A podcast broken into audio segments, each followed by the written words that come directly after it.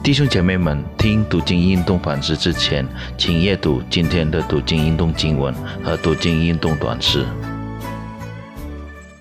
主内弟兄姐妹平安，感谢主赐给我们美好的一天，也感谢主赐给我们机会能够思想主的话语，让主的话语成为我们脚前的灯，路上的光。在此之前，让我们一起低头祷告。亲爱的天父，我们满心感谢你再次赐给我们机会来思想你的话语。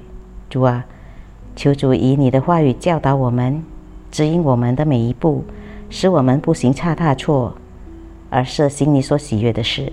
感谢主，祷告奉主名求，阿门。今天我们所要思想的经文取自于出埃及记三十四章，主题是朝见上帝的界限。让我们预备我们的心。来阅读主的话语，把这段经文读完，然后静下心来思想主的话语。此刻，让我们一起阅读出埃及记三十四章第一到第七节。耶和华吩咐摩西说：“你要凿出两块石板，和先前你摔碎的那板一样，其上的字我要写在这板上。明日早晨，你要预备好了，上西奈山，在山顶上站在我面前。”谁也不可和你一同上去，遍山都不可有人，在山根也不可叫羊群、牛群吃草。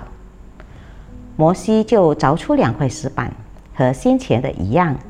清晨起来，找耶和华所吩咐的上西奈山，手里拿着两块石板。耶和华在云中降临，和摩西一同站在那里，宣告耶和华的名。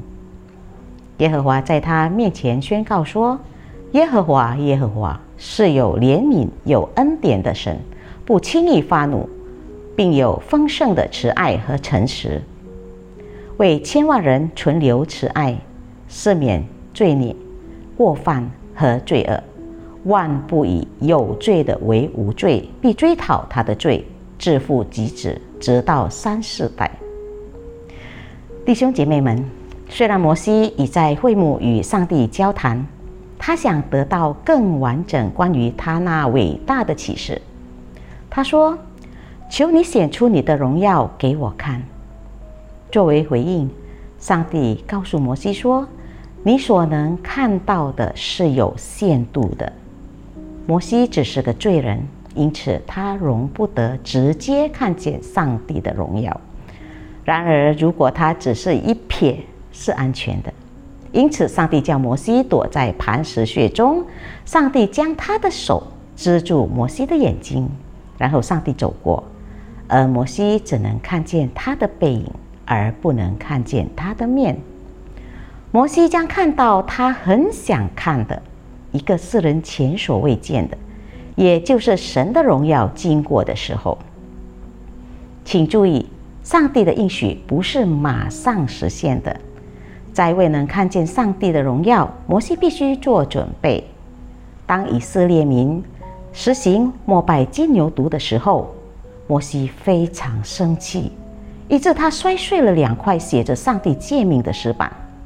为此缘故，上帝要摩西凿出与先前一样的两块石板，向上帝将在那两块新的石板上重新写上他的诫命。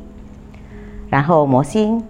摩西必须独自在西奈山上面对上帝，除了他以外，别的以色列人都不可留在山上，甚至羊群、牛群都不可在遍山吃草。上帝吩咐是为了保护以色列民，倘若触碰了那山，对于人是不安全的，甚至若动物吃山上的草，也是有危险的。上帝的圣洁，使得西奈山因他的莅临而变为圣洁。对于没受邀请的罪人，靠近上帝是很危险的。以色列民面对上帝的界限，与当上帝首次给予十条诫命时相同。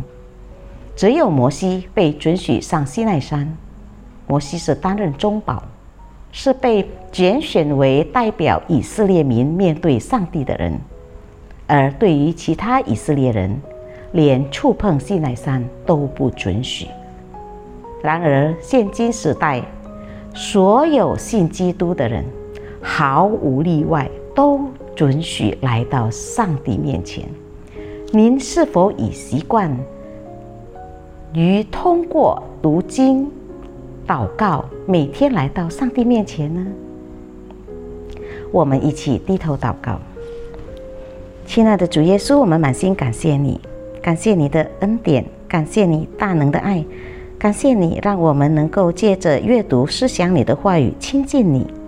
感谢主，主啊，当我们每天思想你的话语时，求你开启我们的智慧，使我们的言行举止都能合乎你的旨意，赐给我们谦卑顺服的心，使用使我们都能够将你的话语行在我们的生活上。